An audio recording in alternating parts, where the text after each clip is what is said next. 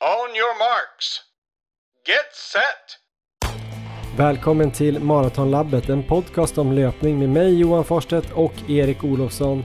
Hela det här 116 avsnittet är tänkt som en guide till Stockholm Marathon. Vi pratar med Mikaela Arvidsson som vann loppet 2018 och så tipsar vi om allt man behöver veta för att springa loppet bra.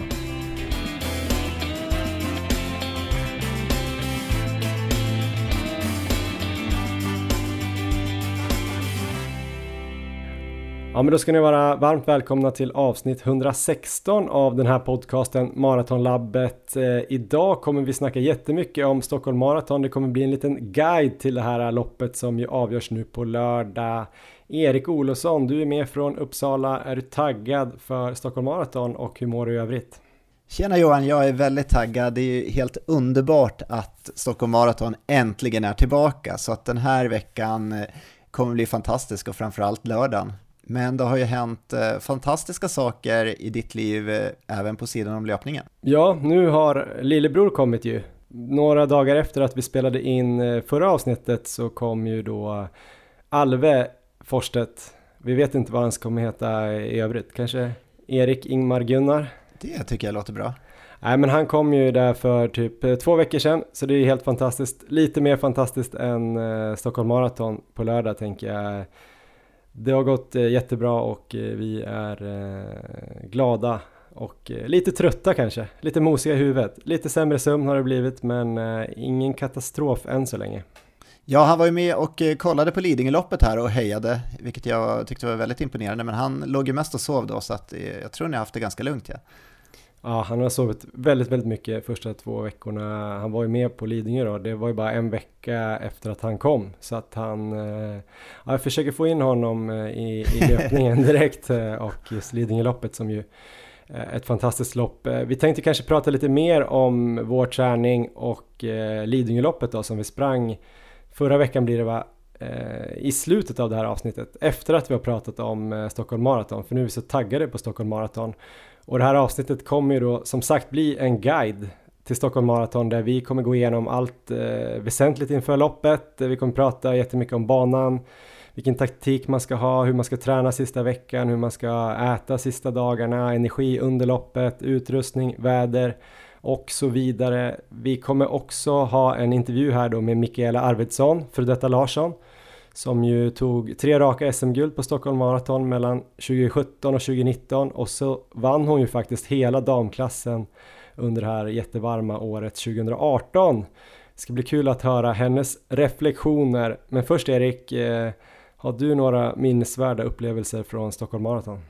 Ja, men jag har många minnen från Stockholm Marathon och väldigt blandade upplevelser. Mina första marer var ju var ju där och eh, jag väggade ju varenda gång och det var ju eh, Sista milen var ju helt fruktansvärd och det har varit eh, sjukvårdstält och det har varit jobbiga promenader nerför den här trappan där vid Östermalms IP. Så de flesta gånger har det sett ut så, men jag har fått till det en gång också och det var ju när jag hade en otrolig hare där som eh, hjälpte till och eh, farthålla halva loppet och sen lyckades jag hålla i det bra själv där. Så att eh, mitt, mitt bästa Stockholm Marathon var ju 2019 blir det väl, när jag sprang då mm. på 2.46. Så det är ju mitt absolut bästa minne från Stockholm Marathon. Eh, vad har du för upplevelser från det här loppet Johan? Jag har ju varit med fyra gånger tror jag. Dels så var det ju mitt absolut första maraton jag sprang 2015. Eh, då hade jag ju tränat hyfsat bra trodde jag men eh, sista milen höll jag inte alls. Försökte sikta på 3.10 Alltså 4.30 fart och det gick ju jättebra i 30 kilometer. Jag låg till och med lite bra till där faktiskt. Men sen kroknade jag runt 32. Då var ju det Söder Mälarstrand eh, och ett ganska tråkigt parti. Visserligen platt men inget folk där kommer jag ihåg. Och så var det ju inte så bra att eh, krokna precis innan då Västerbron andra gången. För det här var ju 2015 när det var två varv.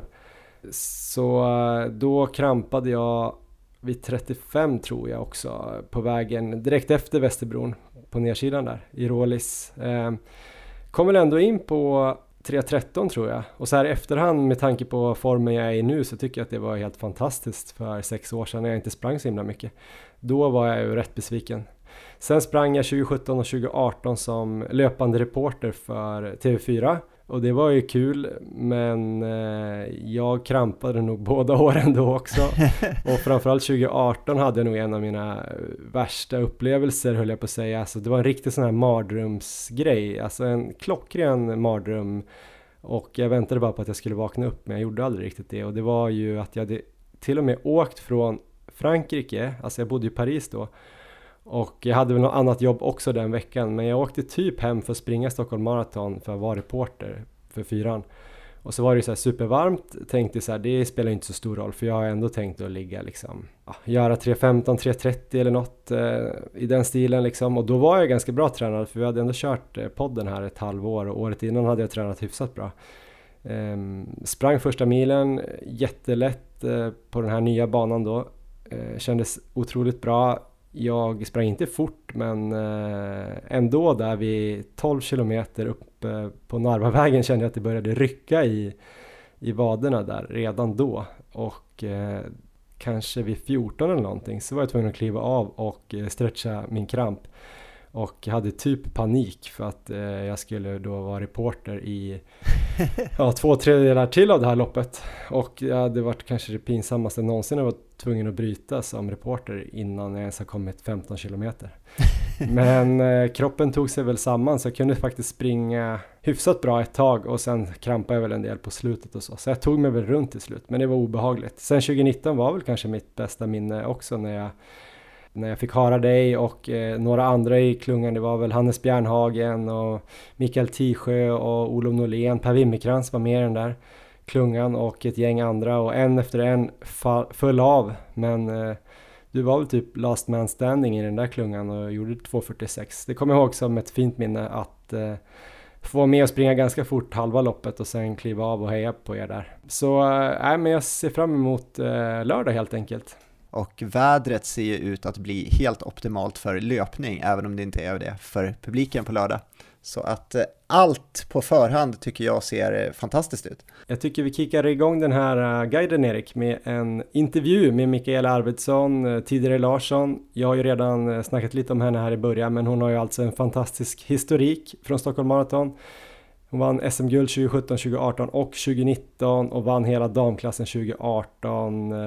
Faktiskt bara hon som har tagit SM-guld på den här nya banan då som kom 2018. Så att hon är perfekt, eh, en perfekt intervjuperson helt enkelt. Eh, vi kör Mikaela nu, varsågoda. On your marks. Get set! Ja men då vill vi hälsa välkommen till eh, Mikaela Arvidsson. Hur är läget? Tack så mycket, det är jättebra. Drottningen av Stockholm Marathon i modern tid sa jag här precis innan vi började spela in. Ta i då. Ja, alltså, eller ja, det har ju gått bra på slutet i alla fall när jag sprungit så det är väl, ja, jag vet inte.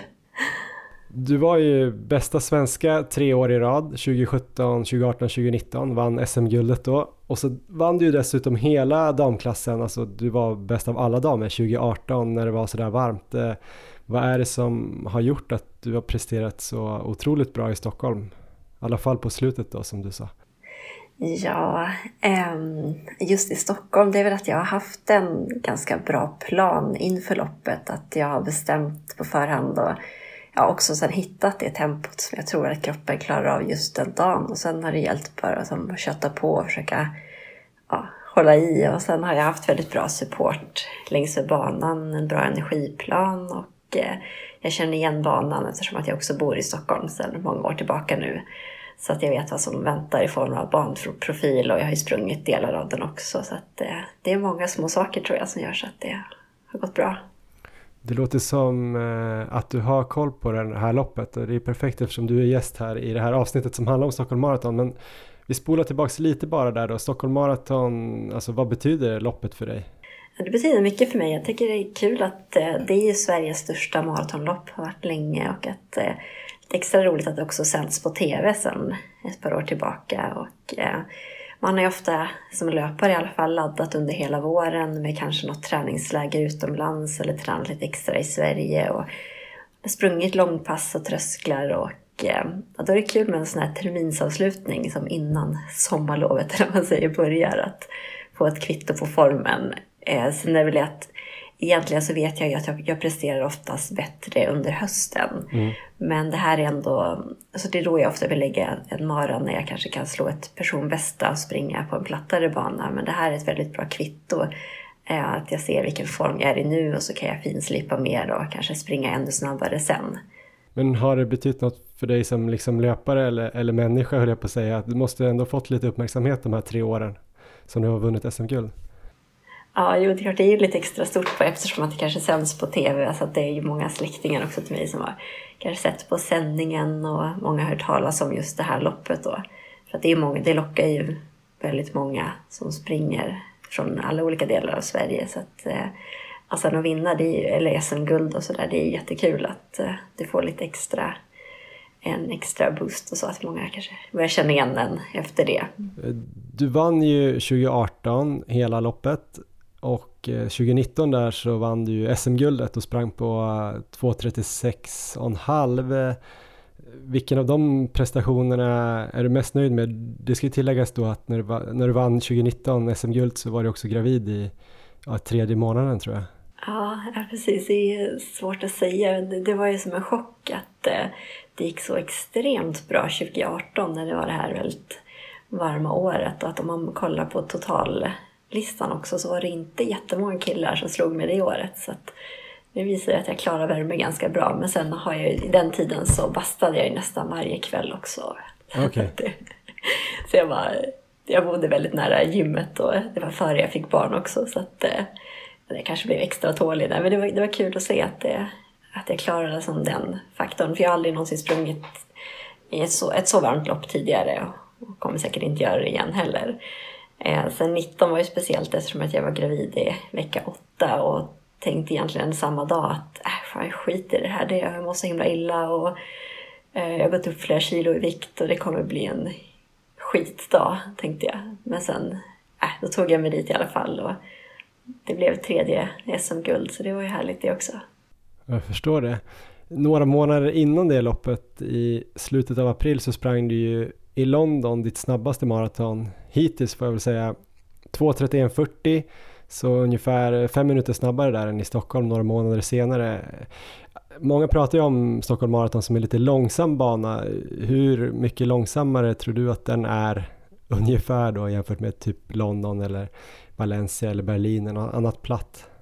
Ja, det är svårt att säga. Liksom, vad ska säga. jag kan ju bara relatera till vad ju, för mig, i, alltså med tanke på hur snabbt jag då springer en maraton. Och då skulle jag säga kanske tre minuter kanske, just om man jämför Stockholm, London. Sen tror jag faktiskt att Valencia är lite snabbare skulle jag säga mm. än London. Eh, sen kan man ju också otur med liksom vind och sådär som också spelar väldigt stor roll. Men om man antar att det är som samma vindförhållanden och samma temperaturer så barnprofilen skulle jag kanske säga tre minuter. Just det.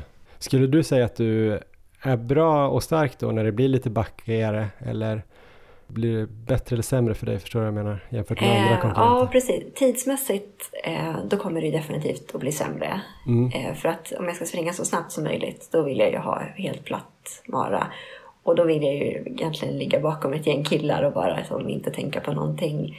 Sen om det kommer till eh, mer som mm, Stockholm som är också ett mästerskap där kanske egentligen tid blir inte riktigt lika viktigt som eh, placering för det är roligare att hamna lite högre på pallen. Så. Eh, då vet jag att jag kanske i förhållande till många andra trivs ganska bra med backar och har inget emot det utan jag tror att backarna kanske Eh, ja, tar ut sin rätt mer på andra löpare som eventuellt då skulle slå mig på de plattare banorna. Om man går in på banan lite grann då, den nya banan i Stockholm då som ju kom 2018 som man såklart känner igen lite grann men det är ju lite mer annorlunda bansträckning. Du har ju hunnit springa den två gånger 2018-2019. Eh, Vad säger du om banan? Ja, men jag tycker att den är, den är bra. Eh, sen tror jag faktiskt att den är lite jobbigare än banan som vi hade innan vi gick över till den här. Eh, de positiva sakerna som väger upp det är väl att första biten, första halvan är väldigt lättsprungen. Mm. Eh, om man jämför med förra banan när det kanske var lite mer jämnt mellan första och andra.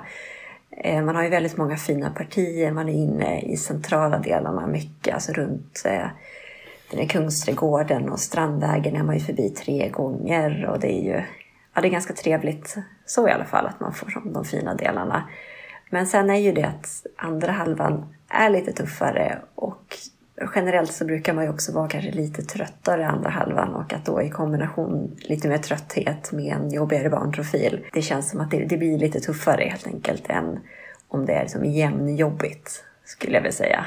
Men som du säger då, den andra halvan är lite tuffare än den första halvan. Eh, tycker du ändå att man ska försöka springa Stockholm Marathon med, med negativ split då, som man ofta brukar rekommendera att man avslutar snabbare eller ska man ändå försöka ha lite snabbare tid på första halvan just här? Alltså jag skulle säga att det är i princip omöjligt att springa det med negativ. Alltså det är väldigt svårt eh, om man inte är en extremt rutinerad löpare som kan eh, eh, som växla upp. För jag tänker bara när jag själv, om jag ska springa ett långpass och sen så helt plötsligt så ska man eh, öka farten. Eh, då kan det kännas så, uh, gud vad jobbigt det här blev att, som första biten. Och det blir lite samma sak nu, alltså, ska du bara hålla samma fart hela tiden och med den jobbigare banprofilen, då blir det att du måste i princip som, du måste öka ansträngningen andra halvan. Och då tror jag snarare att det kanske kan vara lite skönare att man har buffrat lite grann så att man sen, det är väl framförallt skulle jag säga som tre lite större, alltså ja, jobbigare partier eh, som kommer att man kan ta det ja, några sekunder långsammare där så tror jag att man kanske kan tjäna på den. Istället för att man ska behöva trycka på och gå upp i puls för att behålla farten eller snarare öka. Och då tänker jag på det här när man kommer efter Stadsgårdsleden och ska upp igen till Folkungagatan. Att det är en ganska jobbig stigning.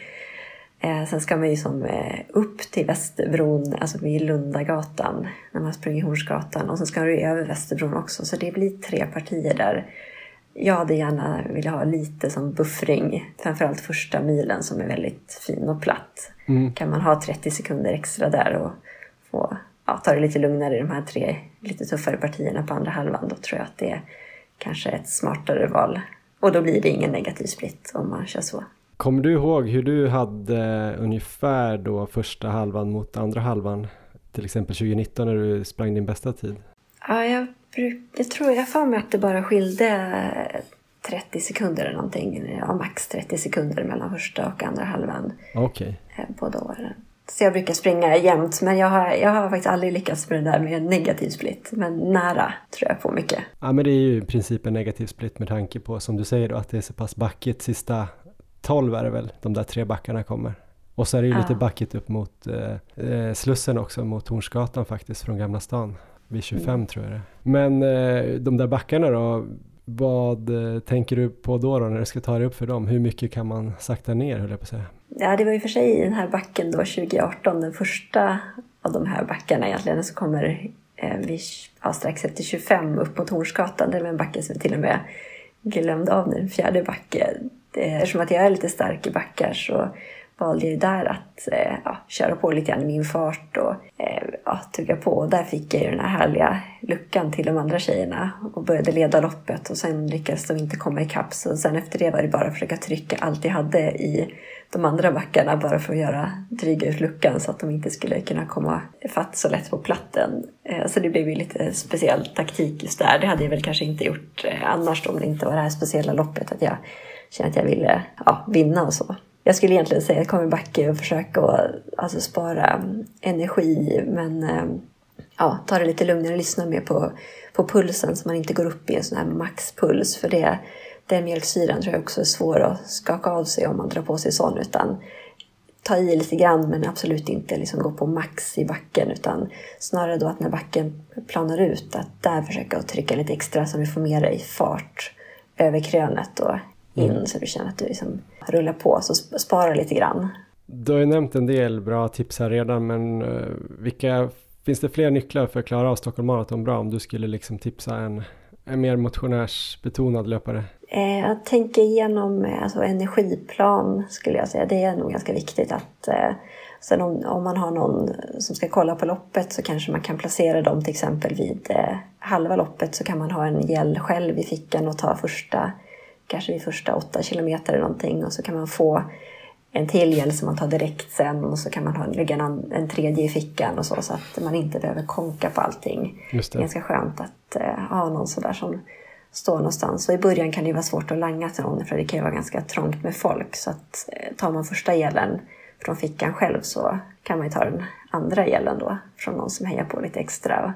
Så det tror jag att man har tänkt igenom och kanske ja, så att man kan dricka lite vatten i de här vätskekontrollerna. Så kika igenom bankartan. Jag och Erik kommer ju inte kanske gå all in i år på Stockholm Marathon för vi inte riktigt känner att vi har formen men vi ska försöka hara då för sub 3 eh, samma tid som vi gjorde då i Frankfurt första året vi hade den här podden. Eh, vad tror du då, då? Då kommer vi kanske få med oss ett gäng sådana här tre timmars aspiranter. Vad tycker du att vi ska lägga första halvan på? Alltså du snackar om 30 sekunder för dig själv men då tänker vi att du är extremt uthållig. Här kommer det säkert vara en del eh, som kanske är snabba och så men inte riktigt har uthålligheten. Ska man liksom, vad tycker du där? Ja, ja, jag, jag tänker ju nästan...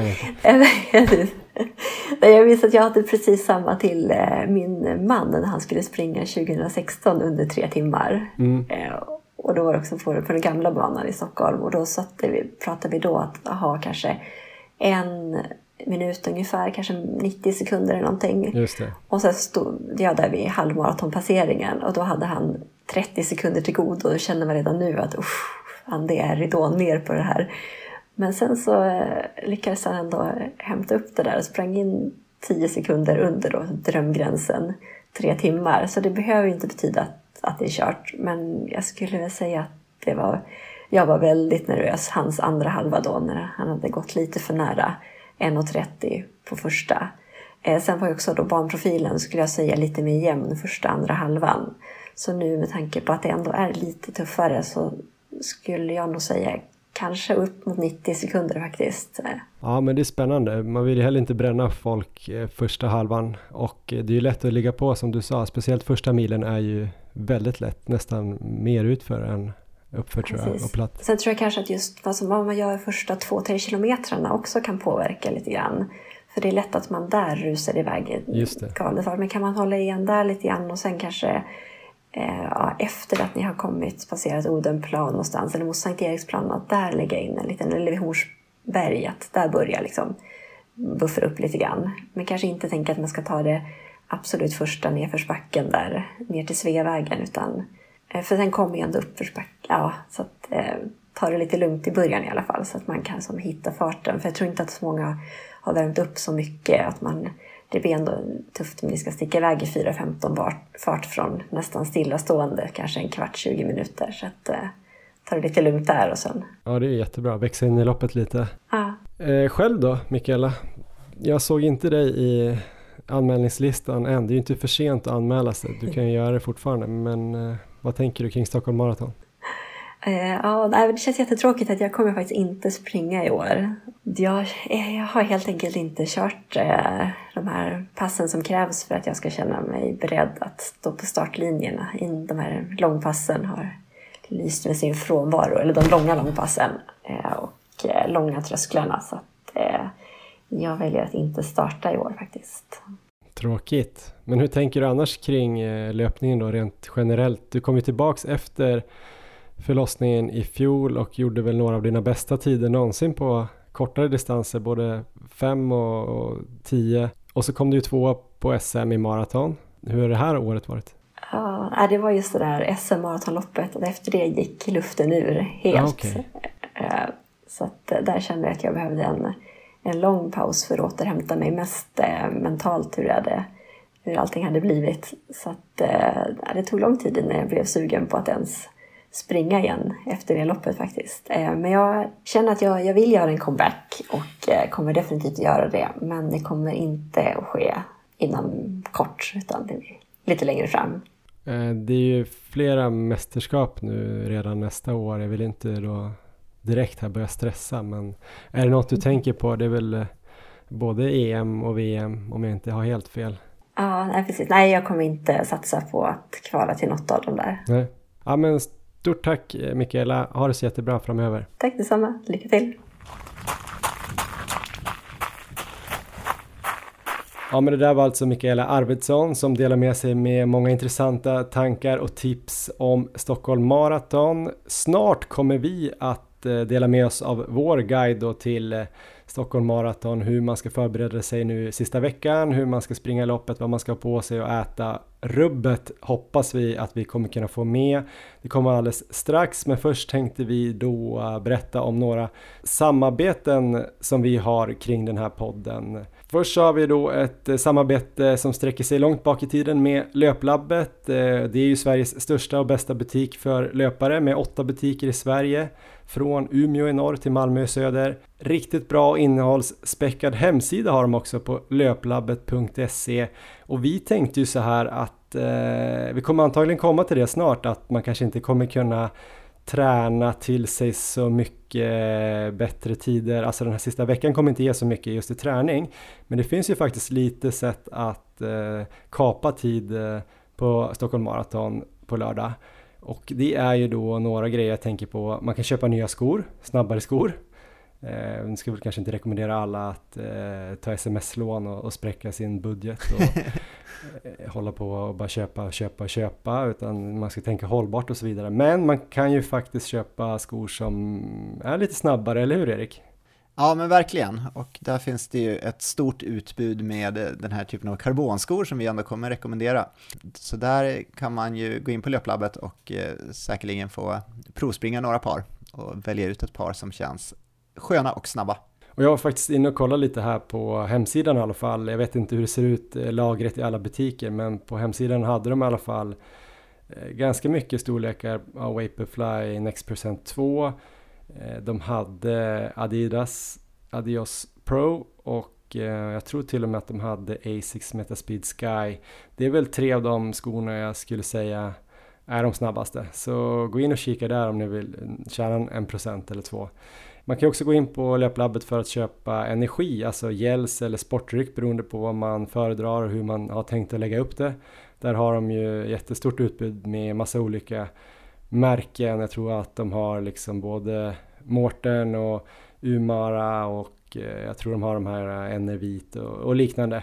Så det finns massvis där. De har även olika midjebälten och liknande grejer eller kanske kläder med, med lite bättre fickor och sådär om man ska behöva bära med sig energi under det här loppet. Så eh, gå in och kolla på löplabbet.se eller på någon av butikerna. På hemsidan har de ju också en sån här fuel guide från Mårten som kan vara användbar. Vi kommer också gå igenom det här snart, men tack Löplabbet!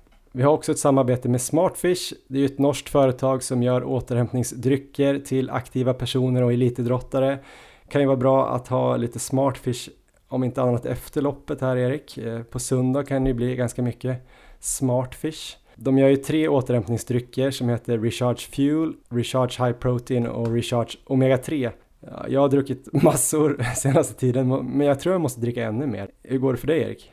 Ja men eh, det här har blivit en del av min rutin och jag gillar det verkligen och jag tror att det kommer hjälpa mig mycket. Jag är ju ganska dålig normalt sett på att få i mig saker direkt efter, ja framförallt lopp när jag sprungit. Maraton till exempel brukar jag bara ligga utslagen så då är det ju helt perfekt att eh, ta en Smartfish och få i sig energi direkt efter. Men även efter träningspassen så eh, brukar jag ta efter varje pass faktiskt. Mm. Alla de här tre dryckerna innehåller omega-3 och D-vitamin och den här high protein har också 15 gram protein i sig för att eh, musklerna ska få de byggstenar som den behöver efter hård träning. Eh, gå gärna in på deras hemsida smartfishsport.com. Läs mer om produkterna. Eh, köp hem produkter med koden Maratonlabbet så får ni 20% rabatt på hela sortimentet. Det gäller första köpet som man gör där. Skulle man bli sugen på att prenumerera på produkter, man kan få hem liksom en batch då och då så det ska räcka till eh, träning och tävling en tid framöver. Då får man då 20% rabatt på den första batchen man får hem. Sen är det ordinarie pris. Yes Erik, nu ska vi gå in på vår guide till det här loppet. Vi har ju snackat om det här säkert massa gånger förut eftersom vi har en podcast som ändå heter Maratonlabbet och vi har sprungit en del maraton så vi har ju olika avsnitt som kanske berör enskilda punkter som vi kommer ha med nu. Det finns ju massa sådana kost och nutritionsavsnitt, det finns ju ja, vi snackar ju kläder och skor hela tiden och taktik och uppvärmning och sådär. Men nu tänkte vi sammanställa här lite grann inför lördag. Det som vi vet redan nu som vi kanske kan berätta är ju att vi kommer springa som två inofficiella harar för sub 3, eller hur? Eller kommer du bomba? Nej, det kommer jag inte göra, utan det här känns som en lagom nivå i den formen som vi håller och det känns framförallt jätteroligt att göra det här. Eh, första året med podden så var ju det vårt stora mål att springa sub 3, vilket vi ju till slut då lyckades med där i Frankfurt i slutet av året. Så att nu få eh, hjälpa många andra löpare att nå det här drömmålet eh, känns riktigt roligt. Så att jag är eh, väldigt taggad inför lördag. Hur känner du? Det ska bli kul, alltså otroligt kul. Just att höra sådär känns ju, har ju alltid varit roligt när jag har gjort det. Att kunna få se så många glada människor som klarar sitt mål, förhoppningsvis då.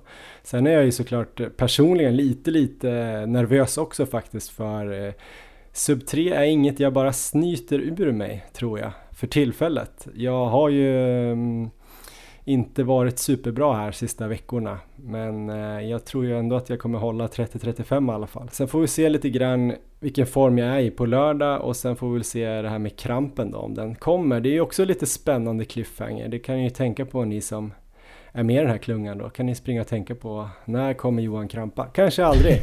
Hoppas aldrig.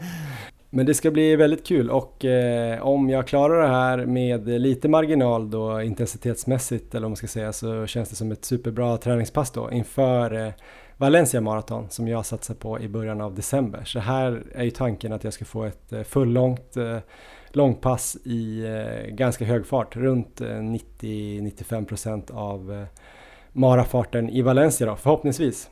Så att eh, det kan bli ett bra kvitto och ett avstamp inför den eh, satsningen. Ja, men det tycker jag låter helt perfekt och där eh, har ju du ett eh, högre ställt mål där du ska försöka ta dig under 2.40, så det blir spännande. Vi får väl se vad det blir, men 2.40 eh, kommer jag aldrig göra. Men det kan vi väl ta lite senare i det här avsnittet eller i något annat avsnitt. Men 2.45 kanske. Nu går vi in på vår guide till loppet här. Det är tisdag när det här släpps så då undrar jag Erik, eh, hur mycket ska man träna från och med idag tisdag fram till loppet och, och kan man göra någonting som ger effekt till på lördag? Eh, nej, sista veckan är ju jobbet gjort, så det går ju inte att börja lägga in några hårda pass här och tro att man ska få någon stor träningseffekt till loppet. Då kommer resultatet bara bli det motsatta och man kommer vara sliten och eh, det kommer bli ett sämre resultat på lördag. Så under den här veckan ska vi bara försöka underhålla det vi redan byggt upp och skapa överskott. Så cirka 50% av normal veckovolym skulle jag rekommendera. Ehm, köra lika många pass som normalt men korta av distansen. Ehm, det brukar ändå vara skönt att komma ut, tycker jag i alla fall, och röra på sig. Så jag skulle inte rekommendera att lägga in en massa extra vilodagar, möjligen någon då om man känner att man vill det. Eh, fyra dagar innan loppet skulle jag lägga in veckans enda lätta kvalitetspass, så det blir ju då tisdag helt enkelt när det här släpps. Och det skulle vara något i stil med några kilometer uppvärmning följt av cirka fyra kilometer i tävlingsfart och nedjogg på det. Gärna med tävlingsskor, eh, brukar kalla det här för dress rehearsal, så att man får testa lite utrustningen man ska springa i och få lite den känslan. Två dagar innan loppet, eh, om man springer då, så skulle jag lägga in några fartökningar i slutet av distanspasset bara för att eh, ja, känna på lite fart också. Och dagen innan då, på fredag, eh, en lätt jogg, sådär 4-5 kilometer. Eh, så no något i den stilen. Har du något att tillägga där Johan? Nej, men jag tycker det låter rätt bra, men om man skulle ta då en vilodag för att verkligen vara säker på att man eh, har överskott till på lördag, skulle du då säga att man tar den på onsdag då, om man nu skulle köra fartökningar på torsdag, lättjogg fredag och eh, lite marafart tisdag. Eh, onsdag då en bra vilodag? Ja, det tycker, jag låter, det tycker jag låter som ett bra upplägg. Annars då, är det något annat som är viktigt? Jag ska snart gå igenom lite kost fram till loppet. Eh, sömn och stress brukar vi snacka om. Jag skulle rekommendera att försöka sova bra hela veckan. Så just den här sista natten då, fredag till lördag i det här fallet, där brukar det vara svårt eh, för mig och jag gissar för många andra att få till bra sömn. Men har man sovit bra under veckan så gör det mindre skillnad där om man sover lite dåligt sista natten. Men eh, har man sovit dåligt hela veckan då, då tror jag det kommer försämra resultatet ganska rejält. Och när det gäller stress, bara försöka undvika onödig stress, eh, inte ha massa deadlines på jobbet, det kanske är svårt att liksom styra nu, men eh, det bör man ju inte ha. Och sen så inte få för sig att man ska renovera köket eller göra någonting onödigt slitsamt fysiskt den här sista veckan, utan bara försöka ta det så lugnt som möjligt. Sen så kommer ju det mesta kännas dåligt sista veckan, det är ju standard, man känner sig sjuk, tung och orolig för det mesta, men eh, då är väl allt som det ska vara, så inga konstigheter där. Ja, jag kan bara tillägga en snabb grej där. Jag brukar tycka det är skönt faktiskt att göra lite sådana här to-do-grejer, alltså så fort som möjligt, helst innan sista veckan. Men har man en massa fakturor eller något som ska betalas eller böcker som ska lämnas tillbaka på biblioteket, eh, städa kan vara skönt, ha det så här fräscht och välstädat sista tre dagarna. Alla sådana små saker som kan röra i huvudet, alltså som blir gre små grejer i huvudet som tar energi. För ett maraton vill man ju ha både en väldigt utvilad kropp, men man behöver även en väldigt utvilad skalle för att det är en mental påfrestning. Så man vill inte ha saker som tar energi. Det är typ som att jag tänker att man vill stänga ner alla, alla så många sådana här webbläsarfönster som möjligt. Så att man ska inte ha 48 webbläsarfönster öppet om ni förstår vad jag menar, som jag alltid har. Yes, eh, kost nu fram till loppet och vad ska man käka? Jag tycker att man ska börja tänka lite noggrannare, två till tre dagar faktiskt innan loppet, vad man käkar. Framförallt torsdag och fredag tycker jag är viktigt, 48 timmar innan loppet. Då ska man väl tänka framförallt att man ska få i sig mycket kolhydrater. Eh, och det är viktigt att eh, fylla upp sina glykogendepåer i musklerna och levern Eh, för att stå välfylld där på lördag. Sen kan väl vi ibland prata om att man kanske inte ska övergöra det här allt för mycket om man inte är van vid det eller framförallt om man inte är van vid det. Alltså trycker man mycket, mycket mer kolhydrater och mat sista dagen inför loppet och aldrig gjort det förut så kan det ju bli så att magen rasar eller att man kanske känner sig lite tyngre än vanligt eh, för de här kolhydraterna binder ju mycket vätska och sådär och det är ju en del av eh, poängen. Men eh, det kan bli en väldigt dålig känsla faktiskt. Eh, men eh, jag skulle säga ändå äta bra husmanskost egentligen. Kanske fokusera då lite mer på kolhydraterna, välja bort lite protein och fett. Alltså äta lite mindre ja, kött och fisk och, och ost och sådana där grejer.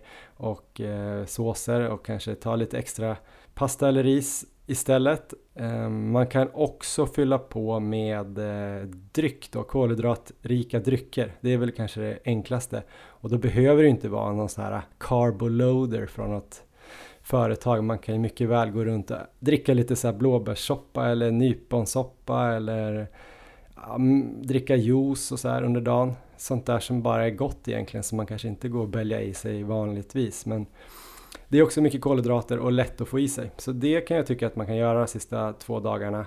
Eh, sista kvällen på fredag kväll då, då tycker jag att man ska tänka på att äta en ganska lätt middag. Där ska det verkligen inte vara en köttbit eller eh, något fett liksom, utan det kan det vara gärna Egentligen skulle det kunna vara pasta med en tomatsås typ, är väl ganska optimalt. Eller vi har ju faktiskt testat inför något lopp och bara käka små måltider hela kvällen. I alla fall jag har testat det.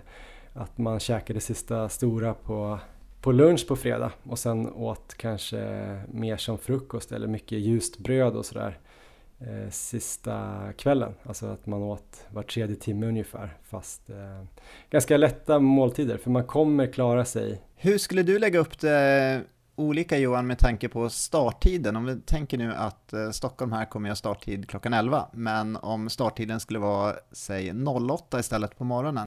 Hur skulle kvällen innan se ut med eh, matupplägg och så för dig? Jag tror ganska lika, men jag skulle nog försöka äta ännu lättare. Det här snacket om att äta frukostlik måltid eh, flera gånger på kvällen skulle vara ännu mer aktuellt om jag startade väldigt tidigt på lördagen. För då kanske man inte vill ha så mycket som är svårt att eh, bryta ner i tarmarna där när man startar. Eh, ska man starta 11 eller senare så kan man väl ändå tänka sig att man käkar en middag vid sextiden som då är ändå ganska lätt. Kolhydratrik, inte så mycket fibrer, fett och protein. Eh, så det är väl bra. Sen frukost på morgonen där kommer ju vara ganska perfekt nu då med starttid 11 att käka någon gång vid ja, mellan 7 och 8 kanske om man vet att man klarar av det. Det tycker jag brukar funka för mig och då kommer det nog bara bli kanske eh, några skivor ljust bröd och någon banan. Kanske lite, lite fil med någon müsli för mig. Alltså där också, vissa säger att de ska undvika fibrer och att det är viktigt och sen så äter de havregrynsgröt på morgonen. Jag har aldrig riktigt förstått det men, eh, men eh, vet man att det funkar för magen så är det ju lugnt såklart. Jag är ju en av de personerna som gör precis så. Ehm, och det, det, känner jag väl att det funkar ändå bra, men vi har ju hört till exempel Charlotta Fogberg då som käkar ris på morgonen, verkligen försöka undvika fibrer. Nej men det skulle vara kul att testa någon gång. Eh, någon får gärna testa. Ät bara ris på fredag kväll och till frukost. Och drick juice, eh, alltså frukost på lördag. Det skulle vara spännande. Annars så brukar vi snacka om nitrat då, alltså ta rödbetsjuice eller kanske i pillerform eller om man inte gillar något av det så kan man ju äta massa rucola eller andra så här gröna blad. Ehm, det är ju då för att kunna få lite lägre syreförbrukning så det är ju bra och det verkar ju fungera på i alla fall av motionärer att man ska kunna transportera syre lite lättare. Så det kan man ju testa. Det kan man ju läsa på eller lyssna på något av våra andra avsnitt. Ehm, och då kan man väl börja egentligen nu tycker jag på tisdagen och eh, ta en, eh, en shot eller två om man tar sådana här beat it shots eller så om man tar piller så är det väl, det står ju på förpackningen hur mycket man ska, man ska ta varje dag. Sen på själva loppdagen är det väl eh, två, tre timmar innan ska man ju ta en, eh, en dos nitrat och eh, ungefär 30 till 45 minuter innan så kan man ta lite extra koffein. Då brukar jag ta eh, koffein i form av koffeinpiller och då brukar man väl säga 3 till 6 milligram per kilo kroppsvikt. Så jag brukar köra 4 gånger 70 då. Så det blir väl 280, så jag brukar runda det till 300 gram, milligram koffein 30 till 45 minuter innan start för att eh, ja, man blir lite piggare och kanske känner trötthet, trötthet och smärta lite mindre. Eh, brukar du köra på det där fortfarande Erik? Ja, rödbetsjuice eh, i koncentrerad form brukar jag ta inför de loppen som jag verkligen satsar på. Ehm, framförallt på morgonen. Ehm, koffein har jag varit ganska dålig på, men det ska jag fundera på nu när du har gått igenom det så fint här. ja, men det är, finns ju vetenskapliga studier som visar att, att det är effekt. Det var ju till och med, var inte koffein eh, dopingklassat till och med förut? Eh, jag tror det. Ja, men då kommer vi till en punkt som är väldigt glädjande just nu i alla fall. Eh, nu spelar vi in det här på måndag och jag sitter och kollar då på väderprognosen. Just nu på YR så står det att det på lördag ska vara mellan 8 och 14 står det, det står inte mer specifikt än så. Så står det 10 grader och 2 meter per sekund ska det blåsa. Skulle säga att det är det optimala maratonvädret. Kanske att det kommer ja. vara lite varmare än 10 grader när starten går vid 11. För sen vid 14 ska det vara 14 grader. Så jag säger att det kommer vara 12 grader vid start och en till två meter per sekund. Jag tror inte det går att få bättre. Nej, det gör det verkligen inte. Och dessutom molnigt, så det, inte, ser inte ut att vara någon sol. Nu är det som sagt eh, fem dagar kvar fortfarande, men håller det här i sig så kommer det vara perfekt för att springa snabbt på lördag. Och det har man ju gjort studier på också vilken som är den optimala temperaturen. Så vissa brukar ju säga att de tycker att det är för kallt när det är 10-12 grader. Men det stämmer inte. För de allra flesta presterar mycket bättre i den temperaturen. Jag tror till och med att det kan vara 8-10 grader för de absolut snabbaste löparna. För de Aha. genererar ännu mer värme eftersom de springer på högre, högre nivå och, och snabbare och sådär. Men för motionärer tror jag kan vara typ 12 grader kan vara helt optimalt. Eh, alltså börjar det bli då, skulle det vara 17 istället för 12 grader till exempel eller 22 sådär, det, det är flera minuter vi snackar om sämre om det blir 5 grader varmare till exempel. Så äh, men det, det kommer inte finnas någonting att skylla på vädermässigt i alla fall eh, om det här håller i sig, den här prognosen då. Eh, vad ska man ha på sig då Erik när man, man springer i den här temperaturen? Ja, kläderna som gäller då är shorts och tävlingslinne skulle jag säga. Man kanske kan ha på sig en gammal tröja där strax innan startskottet går om man känner att man kanske blir frusen innan som man kan slänga av sig då för att slippa stå och bli kall. Eh, just för den här temperaturen kanske inte behövs men skulle det vara lite kallare skulle jag definitivt rekommendera det. Och skulle vi komma ner på runt 7 8 grader och det kanske blir lite vind så kan ju en underställströja eller sån här arm sleeves vara ett alternativ. Eh, fortfarande shorts eller korta tights eh, även i den temperaturen. Skor då? Vilka skor ska man ha? Eh, vi rekommenderar karbonskor 100% eh, här. Dels för att det är det snabbaste alternativen, men även för att återhämtningen efter loppet kommer bli mycket snabbare om man springer i den här typen av skor med tjock sula. Och det har faktiskt precis kommit ut en väldigt intressant studie som diskuterades i senaste avsnittet av Prestera Mera.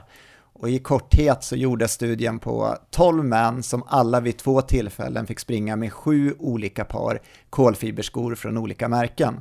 Farten som mättes var 3 minuter och 45 sekunder per kilometer och låg väl under deras tröskelfart, så någonstans runt marafart kan vi nog anta.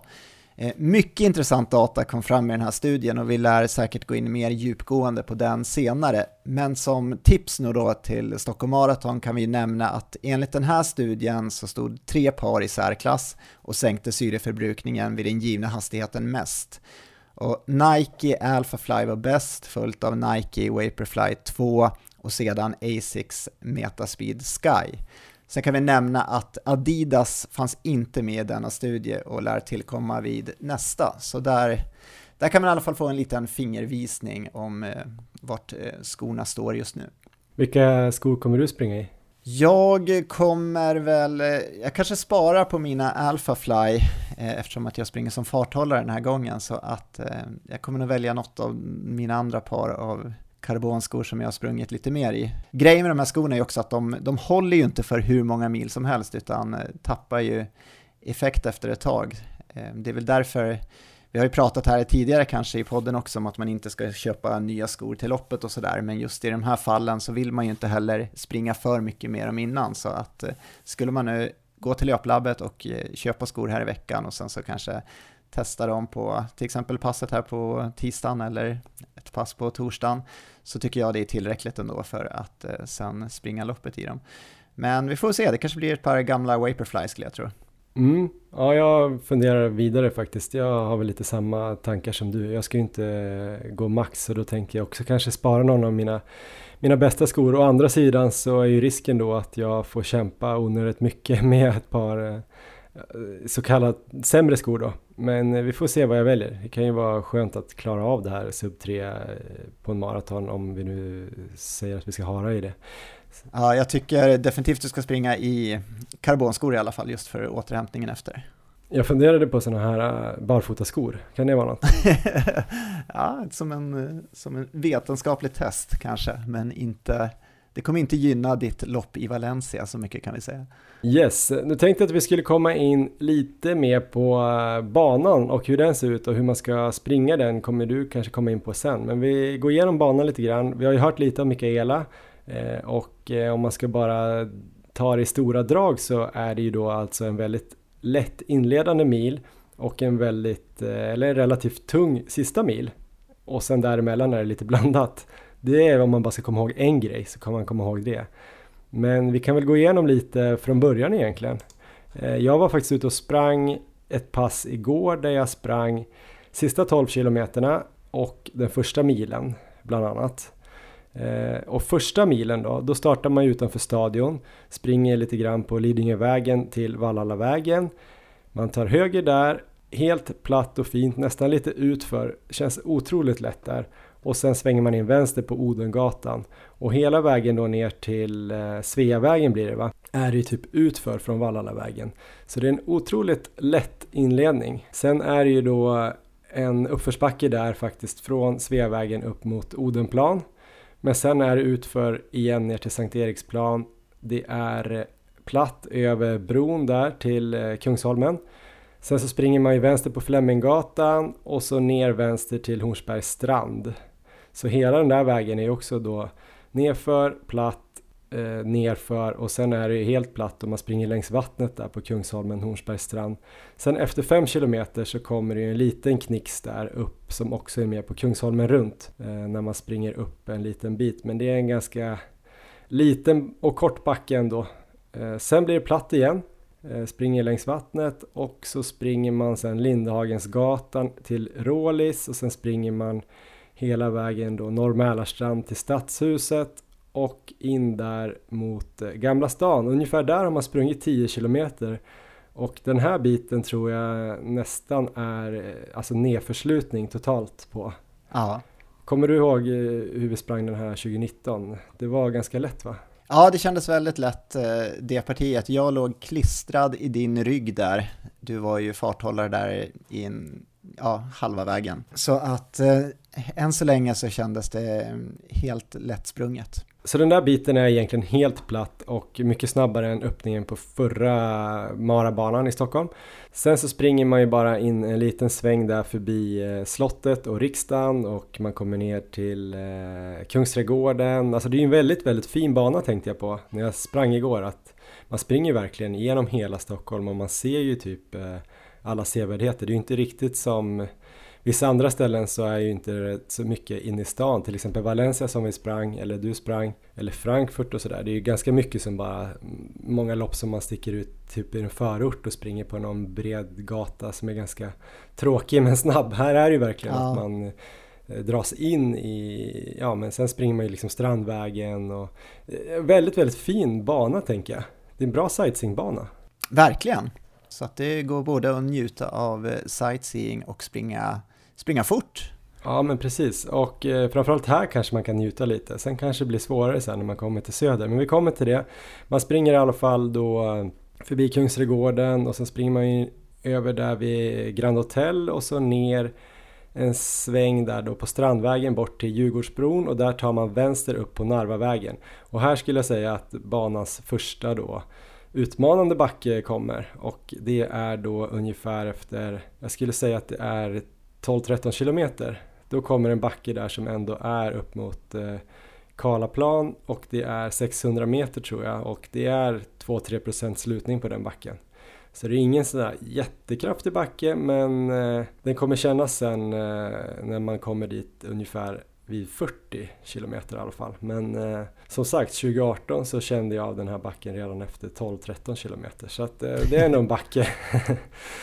Sen vänster Karlavägen, höger upp mot Stadion, där vid Sturegatan heter den va? Och sen tar man höger då på Valhallavägen och springer bort mot Gärdet. Och allt det här är ju helt platt och sen lite utför faktiskt ner mot, mot Gärdet. Så 15 kilometer är väldigt, väldigt bekväma. Då har man ju tagit sig mer än en tredjedel av loppet. Ehm, där känner jag mig otroligt stark och kanske till och med låg några sekunder för fort när jag harade dig 20 19, jag tror jag fick några syrliga kommentarer från ja, någon som det. tyckte att jag låg lite för fort. Men det var för att du kände så stark också. Ja, då började väl folk i den klungan bli lite slitna, för det kommer jag ihåg också, att det kom lite kommentarer där att du kanske gick lite fort. Mm. Men eh, just det taktiska upplägget kommer vi komma in lite på senare också. Ja. Sen springer man upp höger då från Valhallavägen förbi TV-huset och Radiohuset där och där är det också en liten backe som kommer kännas lite grann då där efter 16 kilometer. Sen springer man Djurgårdsbrunnsvägen ut mot eh, Kaknästornet. Eh, ganska trevlig väg där. Eh, sen springer man ut på Djurgården då, själva ön. Och där kommer det också en uppförsbacke där ganska snabbt när man har kommit över kanalen. Som är ganska tung och här brukar ju folk klaga då på att det är ganska tråkigt att springa ute på Djurgården. Vanligtvis är det ju jättehärligt att springa ute på Djurgården för det är jättebra gångvägar och, och fint och sådär men just på Stockholm Marathon brukar det vara rätt dött här ute och inget folk eh, så det brukar kännas som en transportsträcka. Så det gäller väl att fokusera här ute på att det är grönt och fint och härligt och inte på att det är dött. Eh, sen springer man ju tillbaks då på Djurgården där ja, bort mot Gröna Lund och Skansen och hela den biten är väl totalt sett lite utför men det är lite vad ska man säga, lite upp och ner. Det är ju inte som på Lidingöloppet där mellan 16 och 19 men det är lite små knixar och lite små svängar där. Men eh, brukar gå, springa ganska fort där. Sen vid eh, Gröna Lund tror jag det är ganska exakt eh, halva banan där, att man springer en halvmara. Så ja, det är väl inga konstigheter egentligen där ute. Man springer in igen då mot Strandvägen. Strandvägen kommer man ju passera tre gånger på loppet. Så det är ett bra ställe att ha sina kompisar eller familj eller något som står och hejar eller langar, tänker jag. Det kommer väl också komma in på just det här med langningen, men eh, Ja. där kommer man ju se, se sina nära och kära då vid typ eh, 12-13, vid 22 tror jag det är och sen vid 38 så det är ett bra ställe och så kan man ju gå och fika däremellan någonstans uppe på Östermalm med sin lilla tax eller pudel som man smälter in.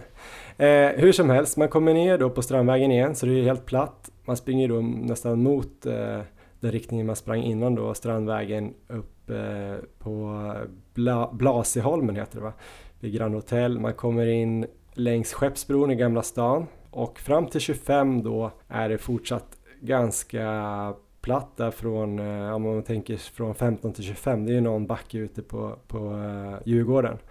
Men annars är det rätt bra. Men vid 25 så blir det ju lite problematiskt där. Då ska man ju upp på Söder, man ska upp till Hornsgatan från eh, Gamla stan. Och där finns det ju också då en eh, tunnelbanestation som heter Slussens tunnelbana. Och där har väl du hoppat av och tagit tunnelbanan tillbaks Erik? Ja men det har jag. Det här var det varma året 2018. Första året med den nya banan. Ehm, jag hade en fruktansvärd dag och och eh, från någonstans 15 kilometer upp eh, till det här partiet så låg jag extremt högt i puls och eh, ja, kämpade på men tappade väl fart där på slutet och ja, lagom till de här jobbiga backarna började komma så ja, jag gick ner i tunnelbanan helt enkelt och tog den tillbaka till, till stadion. Så att det, var, det var ingen succé det året, men det är en risk om man har gått för hårt eh, fram till det här partiet. Så det gör inte så. Du hade väl typ lunginflammation två veckor inför, du kanske sa det men eh, Nej, det, så var det ju faktiskt. Att jag, var ju, jag hade haft en extremt dålig uppladdning inför det här loppet. Ja, nej, fullt förståeligt, eh, kanske till och med klokt att du gick av. Men i alla fall, den där backen eh, fick man ju springa nu på Stockholm halvmaraton faktiskt, från Skeppsbron upp till Hornsgatan förbi Slussen.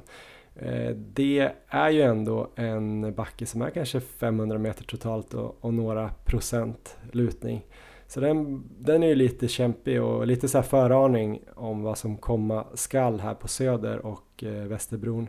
Eh, Men man kommer upp där på Hornsgatan, sen blir det helt platt. Springer bort mot den här Torkel Knutssonsgatan. Och där kommer jag ihåg att eh, 2018, det var väl första året den här banan sprangs, så var det lite förvirring där på Hornsgatan för att där springer man ju dels här då ungefär efter 25-26 kilometer men man kommer ju även på Hornsgatan efter eh, 30-31 kilometer.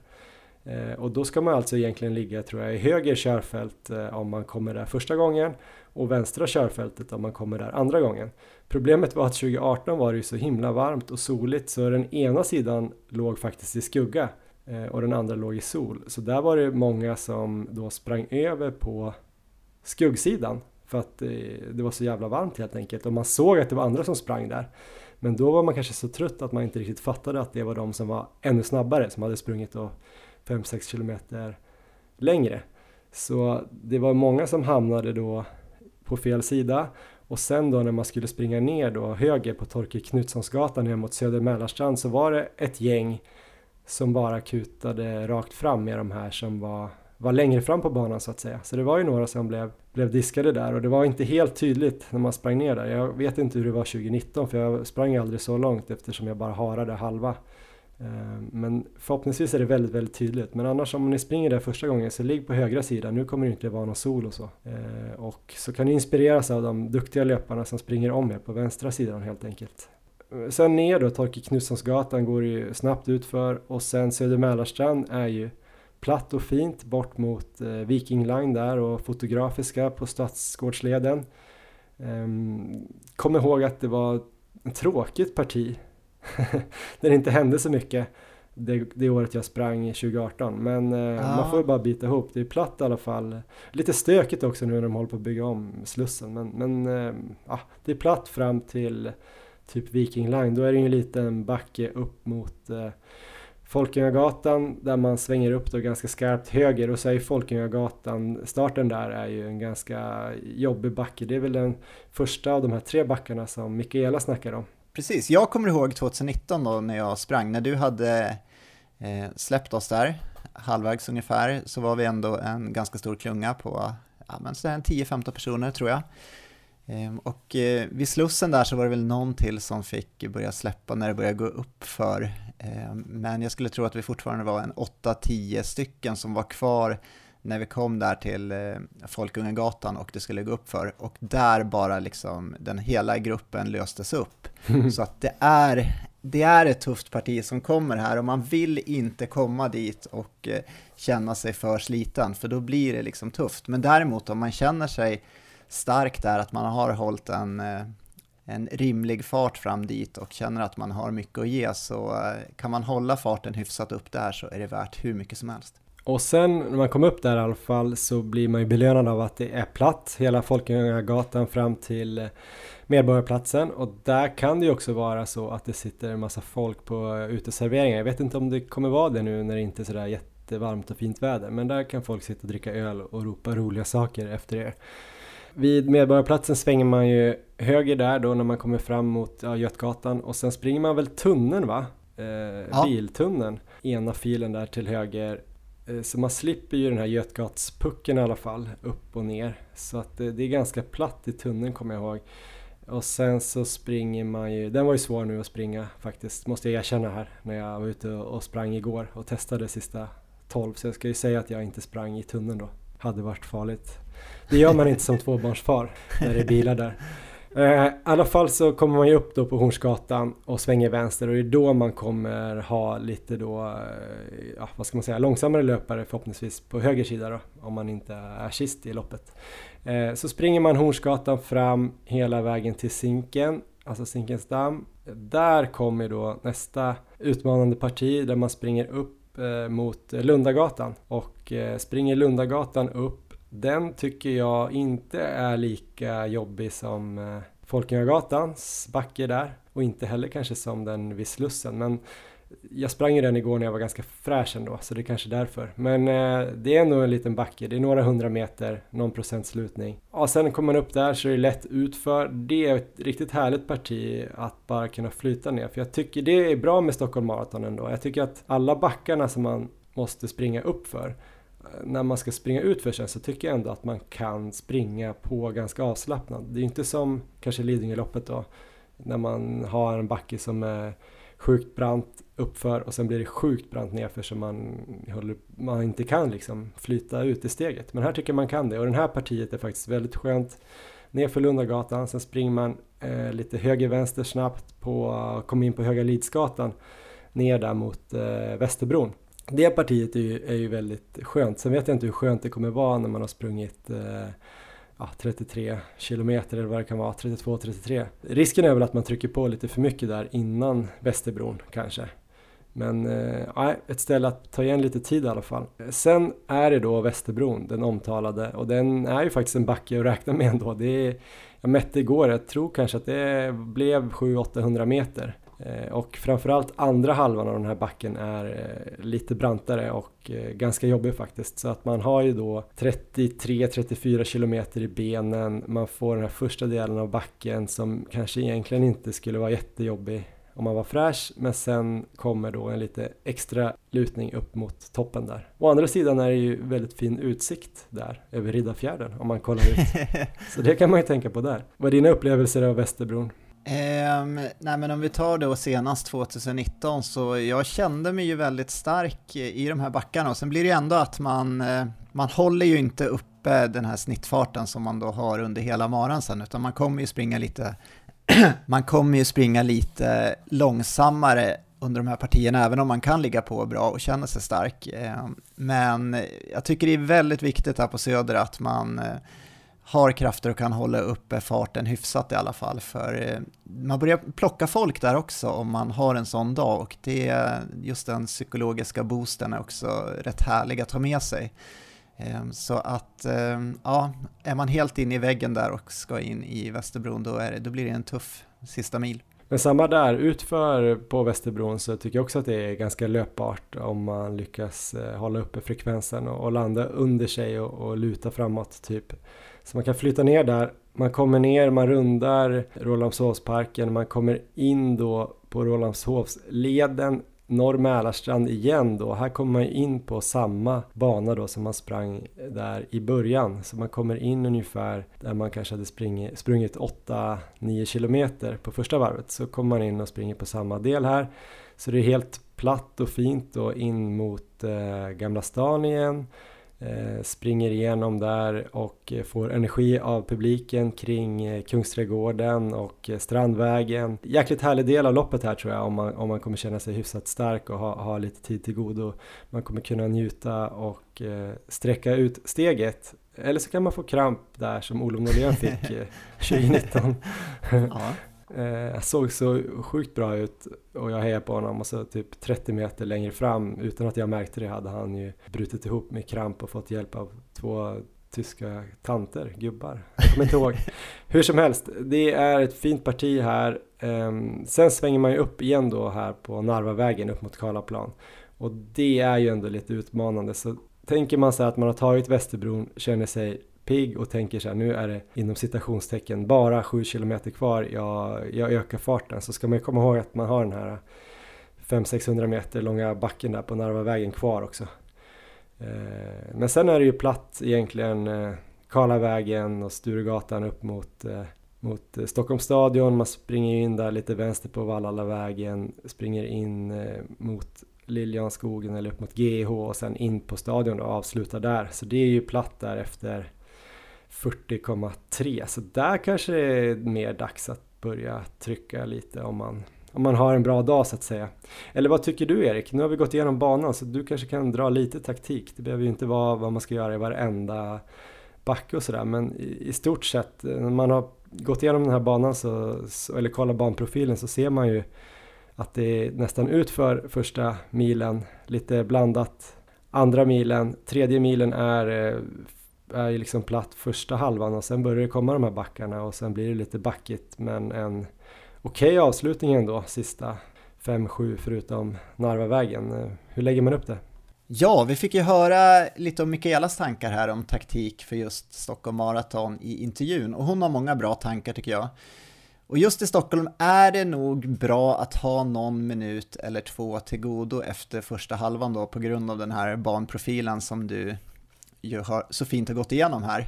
Men med det sagt så gillar jag också det här upplägget som Tom Swartz eh, pratade om i vår intervju med honom som vi hade i tidigare avsnitt och han tyckte att man skulle börja långsammare än tänkt marafart första fem kilometerna och sen sakta börja jobba sig upp i marafart efter det. Och för väldigt många så tror jag att det är ett bra upplägg att göra. Det lilla man möjligen tappar då på att ta det lugnt i början, det brukar man ta igen med råge om man har krafter kvar efter 30 kilometer. Och just i Stockholm, att eh, ha krafter kvar på söder och att kunna liksom ligga på bra i det partiet, eh, det gör en otroligt stor skillnad. Jag hade ju en sån dag 2019 och då gick det ju väldigt bra, men jag har också varit med om det motsatta, att eh, det har liksom gått tufft där och eh, då man kan tappa så otroligt mycket där. I övrigt så kan vi väl nämna att om det blir blåsigt, vilket det ju inte ser ut att bli just nu, men det kan ju ändras, då ska man ju också tänka mycket på att eh, försöka hitta ryggar i de partierna där det är motvind.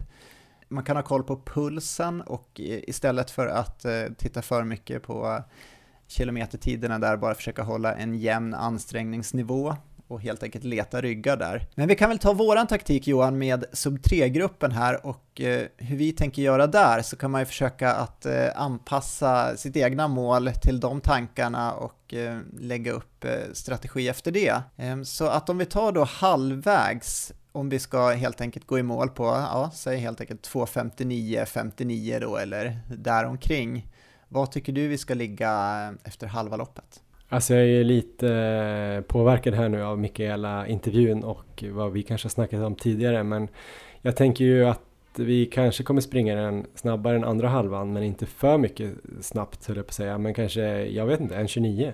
Ja, det tycker jag låter helt rätt.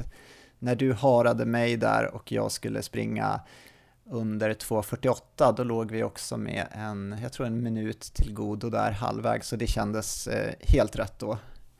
Eh, man tappar lite fart sen på söder även om man har en bra dag och eh, har bra med krafter. Så eh, lite tid till godo, men inte för mycket så att man liksom går för hårt eh, den första biten. Så att alla som kommer springa med oss där i klungan, ni får vara inställda där på att vi har som mål att springa på en 29 blankt ungefär eh, efter halva loppet.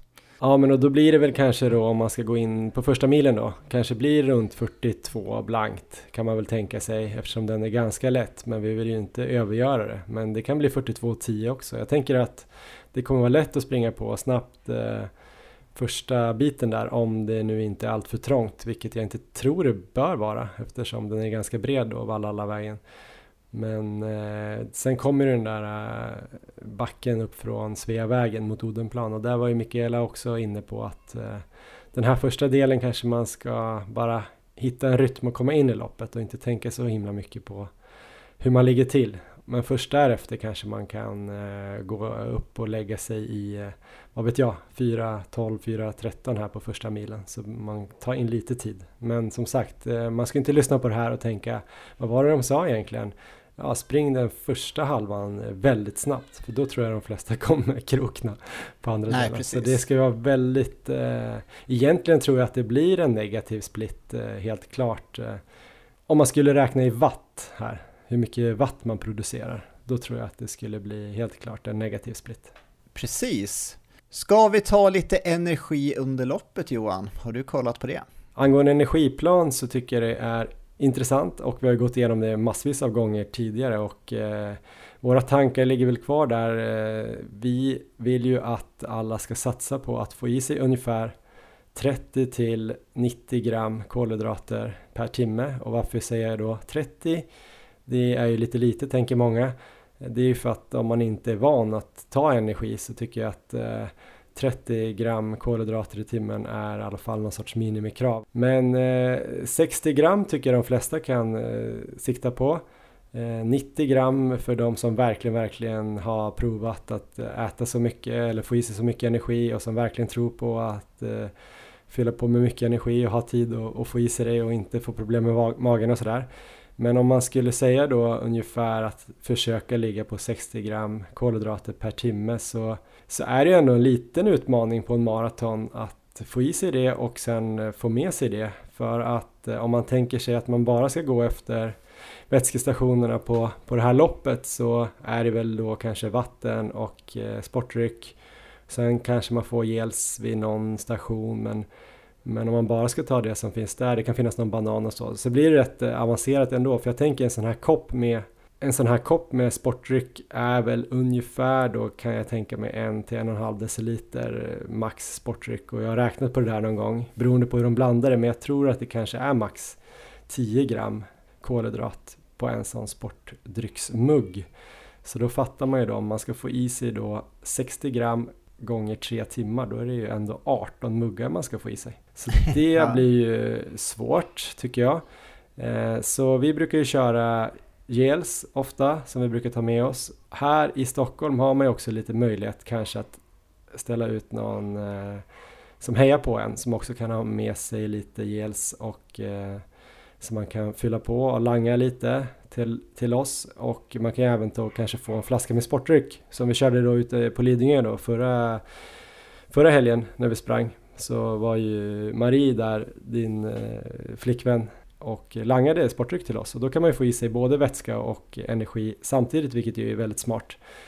Jag skulle väl säga, jag vet inte exakt hur jag kommer lägga upp det på det här loppet. Men om man ska få i sig då 60 gram så är det ju, om man tar Mårten Gels som jag har kört de senaste loppen, så är det ju 25 gram per gel. Så det är ju minst då två stycken i timmen. Eh, så det är ju minst sex på det här loppet men eh, man borde nog kanske få i sig då sju om man inte kan få sportdryck. Men man kan ju tänka sig att man tar två gels i timmen och dricker minst en kopp då sportdryck på, på de här stationerna varje timme. Kanske då att man tänker att man tar en sportdryckskopp eh, var 50 kilometer ungefär. Så får man i sig då kanske något gram mer. Så då har man ju då eh, 150 gram i form av eh, gels energi och sen så får man då eh, lite extra om man dricker då ungefär en 5-6 koppar vilket man ju också då får i sig vätska då. Sen vätska hur mycket man ska få i sig det där är ju inte helt fastställt det beror på hur varmt det är och sådär hur mycket man svettas. Eh, och man ska ju inte dricka allt för mycket för att man blir tung och skvalpig i magen. Men eh, man brukar väl säga någonstans mellan 4-8 deciliter eh, per timme och här kanske det kommer ligga ner mot 4 då eftersom det inte kommer bli jättevarmt. Just så det. man bör ju få i sig då kanske i alla fall 2-3 koppar per timme också. Så om man inte då får lagning. Så jag vet inte hur tydligt det där var egentligen Erik? Det var väldigt tydligt. Jag har en fundering eh, just med att få med sig energi. Nu kanske du får langning under loppet, men säg att du inte får langning och du ska ha med dig ett stort antal gels här under din mara. Hur löser du det? Jag eh, har inte sprungit så himla många marer när jag var tvungen att ta med det. Jag kom, tänkte på det där häromdagen. Jag kommer ihåg Frankfurt och då var det ju verkligen ett sånt där lopp där jag inte riktigt visste vad de serverade på eh, vätskestationerna. Eh, när jag googlade det de skulle eh, servera så såg jag att det kanske var någon så här kolsyrad sportdryck som det kändes lite oklart hur mycket det innehöll och så. Så då förlitade jag mig på, på gels eh, helt och sen drack jag vatten då bara. Och då hade jag något typ av eh, litet bälte som jag fyllde med typ sju gels tror jag. Jag kanske hade, säg att jag hade fem gels i det här lilla facket då. Det var någon enkel som jag köpte typ på Stadium, alltså sock kanske. Som jag tyckte satt skönast. Eh, så den var egentligen bara för en telefon egentligen. Men då hade jag kanske fem gels där, kanske hade en i någon liten bakficka och så kanske jag startade med en i handen som jag åt kanske efter fem kilometer. Och så försökte jag ta dem innan väskestationerna då för att kunna skölja ner med lite vatten. Eh, så det var ett enkelt och bra sätt om man inte kan få allt det här langet till sig under loppet. Eh, har du gjort på något annat sätt? Ja, jag fick ett tips här eh, för ett par år sedan som jag tycker har varit faktiskt fantastiskt bra och som jag har kört på alla mina marer sedan dess. Och det var en väldigt duktig Uppsala-löpare som heter Tom Stevens som hade kört den här versionen. Och han hade fått extra fickor insydda i splitshortsen, så alltså bak på splitshortsen hade han sytt in eh, ja, två stora extra fickor. För det har ju varit ett ganska så här genomgående problem när, jag har, ja, när man har kollat på splitshorts och försökt hitta några med bra fickor för gels, att det, det har inte funnits. Jag vet inte hur det ser ut just nu på marknaden, men eh, tidigare i alla fall så har det varit ett problem. Så att eh, det har jag gjort, eller jag har inte gjort det, men jag har en väldigt snäll mamma som har sytt in extra fickor åt mig och det har fungerat fantastiskt bra. Så att jag får med mig där en, jag kan ju få med mig sju gels från start utan mm. problem och det är ingenting som liksom stör, väldigt lätt att få upp under loppet. Eh, så det har varit helt klockrent och det kör jag på alla mina maror. Så det kan jag rekommendera, annars har jag sett folk som till exempel när det var lite kallare kanske har kört med eh, arm sleeves, sådana här armvärmare.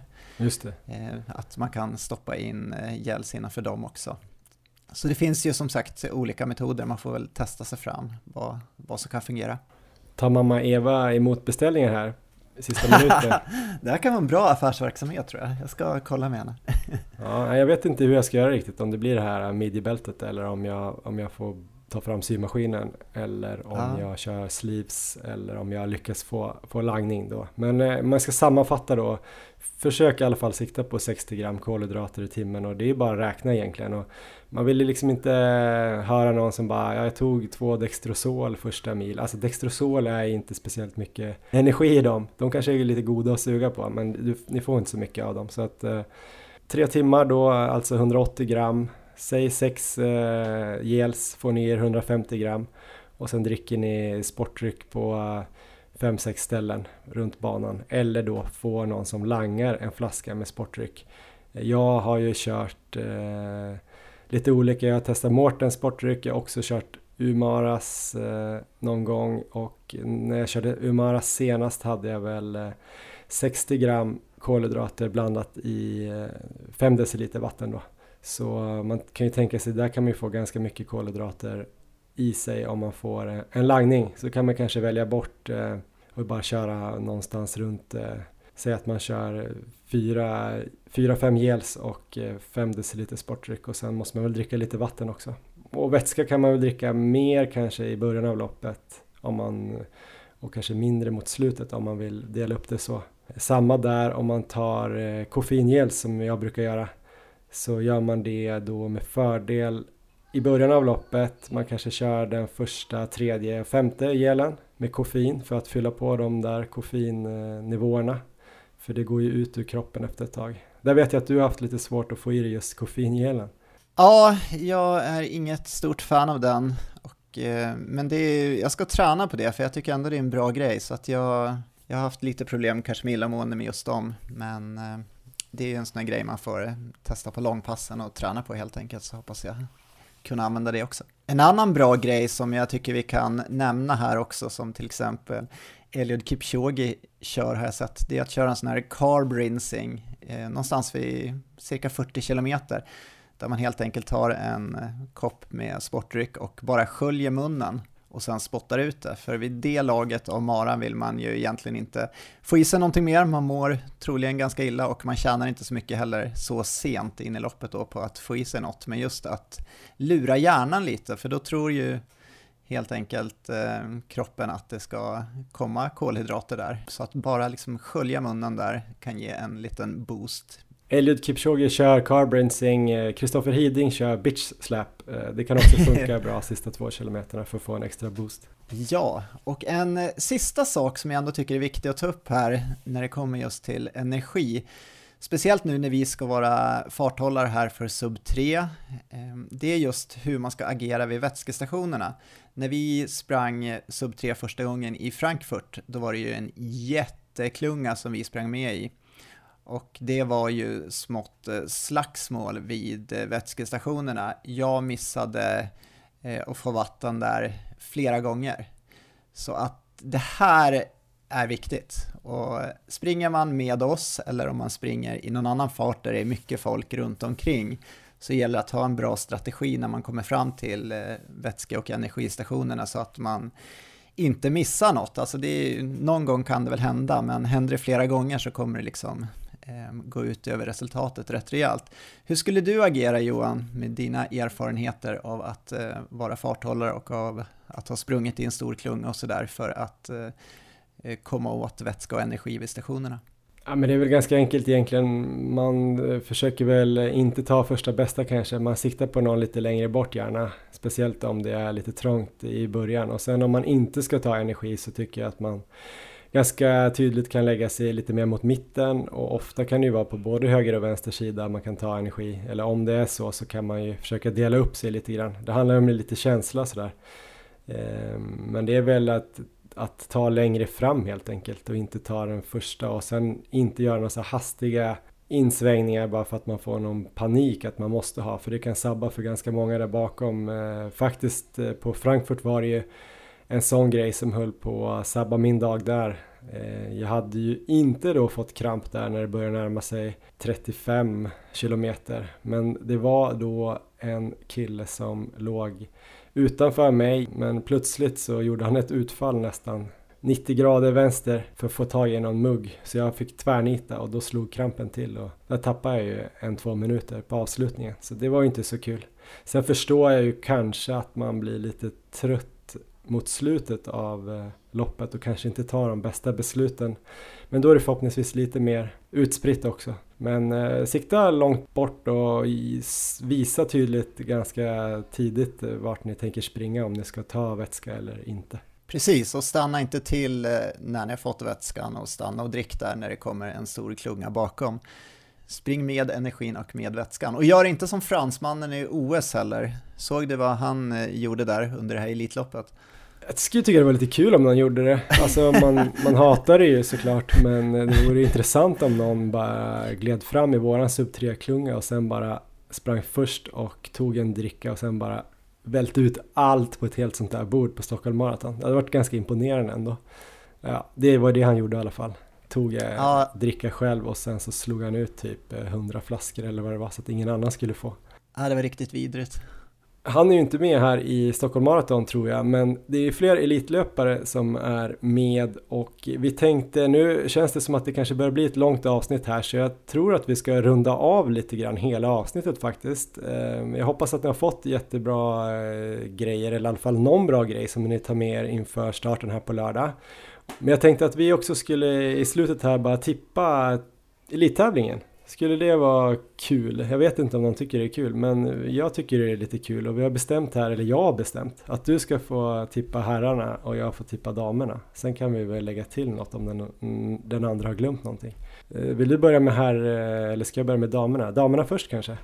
Det tycker jag vi ska göra. Ja, men då tänker jag att jag ska tippa SM-klassen då. Så de svenska löparna. De utländska löparna har jag inte så bra koll på, men jag tror faktiskt att det finns en svensk löpare i det här startfältet som har chans att vinna hela Stockholm Marathon.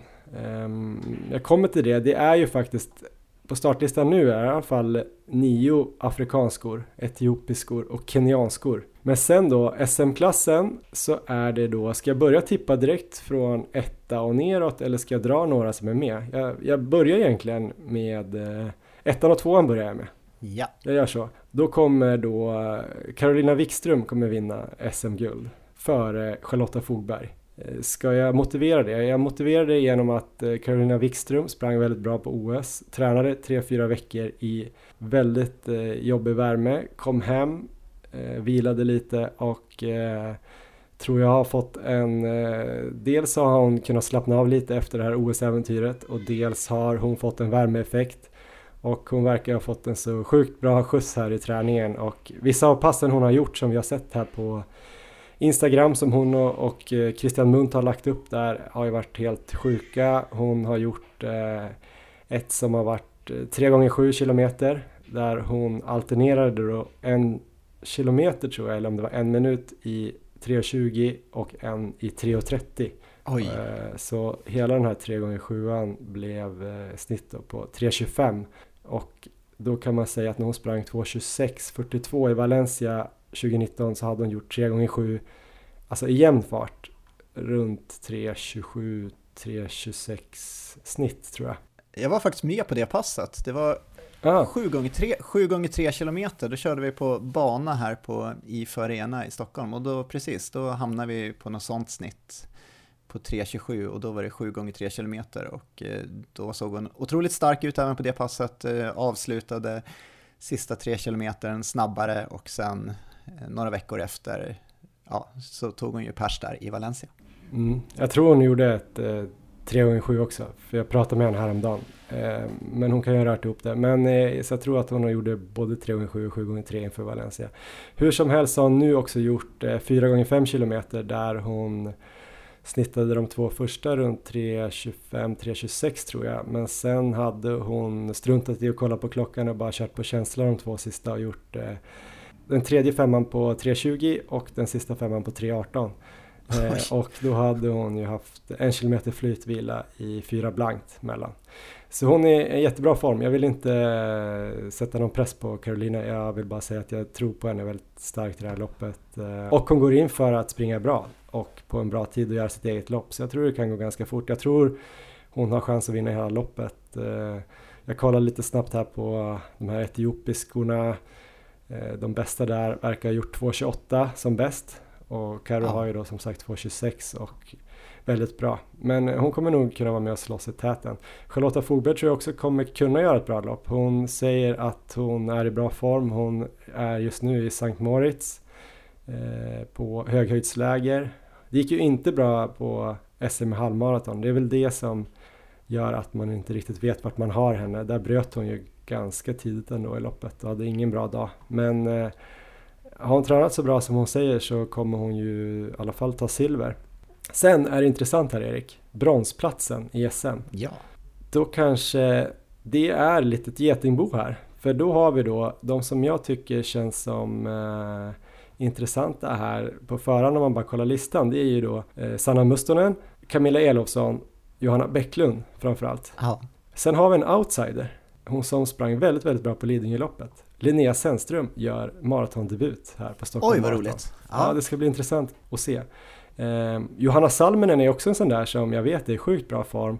Och eh, har hon en superdag och eh, det kanske är någon av de här åren som inte går jättebra. Jag tror hon kanske kan eventuellt hota där. Men eh, då, vi ska veta här då att jag tror att Sanna Mustonen kommer göra lite som vi gör i det här loppet. Att springa det lite som ett ganska hårt långpass men inte gå max. Ah, okay. eh, annars tror jag att hon skulle ta bronset. Jag tror att hon ändå är eh, god för någonstans mellan 2.30 och 2.34 eller någonting. Men hon kanske inte kommer gå all in. Det ger ju då eh, de andra här en liten öppning och Camilla Elofsson sprang ju sjukt bra i Hamburg var det tills hon sprang fel. Att det var dåligt Just eller någonting. just det. Och där tror jag att hon var på väg att göra någonstans 2.36, 2.37. Någonstans där. Och hon gjorde 2.38 på MLM maraton i fjol. Så om hon kan komma tillbaks från det. Hon sprang också Lidingöloppet. Sprang bra där. Eh, Om hon är liksom utvilad och orkar liksom trycka en hel mara till ganska nära in på den här förra maran. Då tror jag att hon kan bli riktigt farlig. För jag tror Johanna Bäcklund, hon är på väg in i riktigt bra form igen. Hon hade ju lite halvdåligt 2020. Lite skador och sådär. Men hon ser bra ut nu men jag tror också hon kanske ser det här lite mer som ett, eh, ett förberedande lopp för något snabbare. Jag tror hon ska springa Valencia faktiskt. Så då har vi ju då Sennström också då. Som aldrig har sprungit maraton, har inte tränat för maraton. Men hon gör ju sjukt bra resultat i allt hon ställer upp i. Trots att hon har lite småkänningar här och där hela tiden och inte kanske har tränat så mycket som hon har velat. Så springer hon ju bra hela tiden. Eh, kanske inte kommer vara det bästa receptet i längden. Men just nu verkar hon ju vara en galen form. och Jag tror att hon är en sån här som kommer bli jävligt bra på maraton. Sen är ju frågan vad som händer första gången man springer 42 kilometer. Men eh, jag skulle inte förvåna mig om hon springer riktigt bra. Men jag, jag lutar ändå att, att tippa Camilla Elofsson trea faktiskt. Eh, Ja, har du något att tillägga där? Nej, det är ju bara jättespännande känner jag och det vore ju fantastiskt kul om den första gästen i Maratonlabbet någonsin eh, springer in som eh, SM3 här på maraton. Ja, det vore häftigt. Vi hade med henne då när hon eh, precis hade sprungit under tre timmar för att hon skulle lära oss hur vi skulle göra och det lyckades hon ju lära ut till oss. Ja. Så nu, ja, då kan hon lära dig sen Johan hur man tar SM-medalj Ja, det blir på häftigt. maraton. Ja, jag kommer dock Perfekt. göra det i herrar 75 om eh, 35 år. Ja men herrklassen då Erik, den tycker jag är svårare. Jag har all, alltid sämre koll där tror jag. Lite mindre ingångar. Men du har ju massa ingångar till Samuel och Samuel och. Ja, jag vet inte om jag har så mycket ingångar, men jag har eh, läst på ehm, det jag har kunnat här och eh, guldet tror jag helt klart går till Samuel Tsegay, eller IF. Han sprang ju på 1.02.03 på SM i halvmaraton och och sprang även i våras då på 2.06.53 i Siena, Italien. Han var visserligen fyra ganska rejält slagen av Samuel Russon på Lidingöloppet 30 km, men just när det kommer så här till platt underlag och framförallt maraton så tror jag ändå han står i en klass för sig. Eh, den här insatsen på SM i halvmaraton var riktigt imponerande, så jag tror han tar SM-guldet. Silvret går till Samuel Russom. Han kan också hota om SM-guldet. Han blev slagen med 1.45 av Segai på SM i halvmaraton, men hade sprungit då på 1.02 i Helsingborg veckan innan, så han kanske var lite sliten på det loppet. Tog eh, riktigt fin revansch här och vann Lidingöloppet 30 km. Min eh, gissning är att båda de här löparna, de brukar vara extremt offensiva, så jag tror de kommer hänga på i täten med kenyanerna och etiopierna eh, så länge det bara går. Jag tror Segai kommer lyckas bäst med det eh, och eh, ta guldet till slut. Bronset är mer svårtippat och det lär handla om två löpare. Mustafa Mohamed och David Nilsson, eh, förutsatt då att de här två tidigare nämnda inte spränger sig, vilket ju faktiskt eh, inte känns helt orimligt med tanke på att de lär gå ut hårt från början. Musse är ju såklart extremt sugen på ett till SM-guld, för då skulle han bli ensam den som har tagit flest SM-guld i friidrott. Eh, han tog ju brons på SM i halvmaraton på 1.05.33. David sprang en minut snabbare i Berlin strax innan. Jag tror de tiderna är ungefär likvärdiga med tanke på att eh, på SM i halvmaraton var det ganska hög luftfuktighet och det var ganska få som sprang bra där. Och de har i princip samma pers på maraton, det skiljer ju 6 sekunder där och det är de två bästa tiderna som har gjorts av svenskar. Riktigt svårtippat. Jag drar ändå till med David Nilsson som trea. Han var femma på Lidingöloppet, 30 km. Var missnöjd där, men han var ändå ganska nära Segay i mål. Och igår såg jag att han sprang på 29.11 där på 10 km, så att det är ändå ett helt okej genrep. Mm. Fyra blir ju då Musse och femma så tror jag att vi kommer få Kristoffer Lås. Han har ju gjort starka lopp både på SM halvmaraton och på Lidingöloppet eh, 30 km. Han vann Ultravasan 45 och sprang igår Hässelbyloppet på fina 29.58, eh, framdragen där av Viktor Smångs. Så det var ju väldigt imponerande. Bra form och eh, är ju duktig på maraton. Största hotet i normal form där är väl Ebba Tulushala. Han sprang inte så bra på Lidingö Eh, och mer koll än så har jag inte. Han sprang ju otroligt bra i Valencia 2019 men det är väldigt oklart om den formen finns där nu. Så det är eh, den rangordningen jag gör. Sen kan det alltid dyka upp sena anmälningar, men utefter hur listan ser ut nu när vi spelar in så är väl det de hetaste namnen. Övriga intressanta starter med koppling till podden kan vi också nämna. Då har vi till exempel Kristoffer Hiding och Jonas Bud som ska springa.